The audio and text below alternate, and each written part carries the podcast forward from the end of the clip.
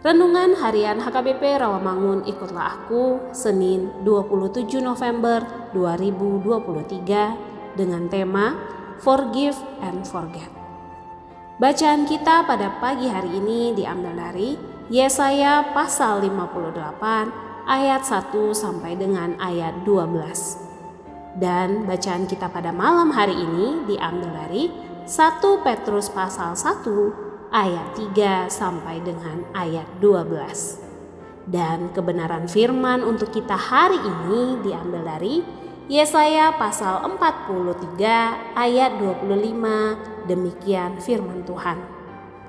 Aku, akulah dia yang menghapus dosa pemberontakanmu oleh karena aku sendiri dan aku tidak mengingat-ingat dosamu.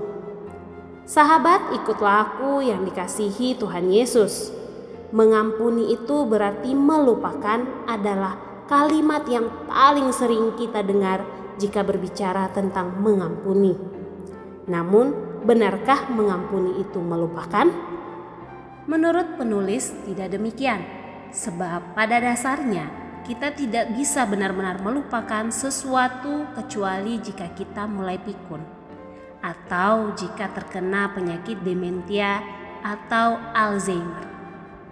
Jadi, bagaimana sebenarnya kita dapat menyatakan bahwa kita benar-benar mengampuni?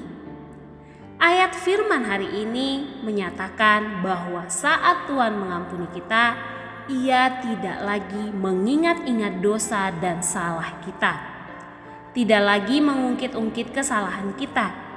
Jadi, itulah yang harus kita lakukan saat kita mengampuni orang yang bersalah pada kita. Kita jangan lagi mengingat-ingat atau mengungkit-ungkit kesalahan orang lain. Sebenarnya, kadang kesalahan orang masih terus diingat dan diungkit-ungkit sebab sakitnya masih terasa. Atau dengan kata lain, perbuatan orang itu masih sangat menyakitkan bagi kita. Jika demikian, solusinya adalah mintalah Tuhan menolong menyentuh hati kita, mengobati luka hati kita. Dia adalah Tuhan yang membalut luka-luka kita dan menyembuhkan kita sampai kita benar-benar pulih dan sembuh dari rasa sakit akibat perlakuan orang. Dan kita dapat mengingat atau membicarakannya tanpa merasa sakit hati. Bahkan bagi kita hal yang awalnya begitu menyakitkan itu bukan masalah lagi. Jadi sebenarnya mengampuni bukan berarti melupakan segala perbuatan jahat yang orang lakukan pada kita, melainkan melupakan rasa sakit yang kita rasakan akibat perbuatan tersebut. Sehingga bagi kita hal itu bukan masalah lagi.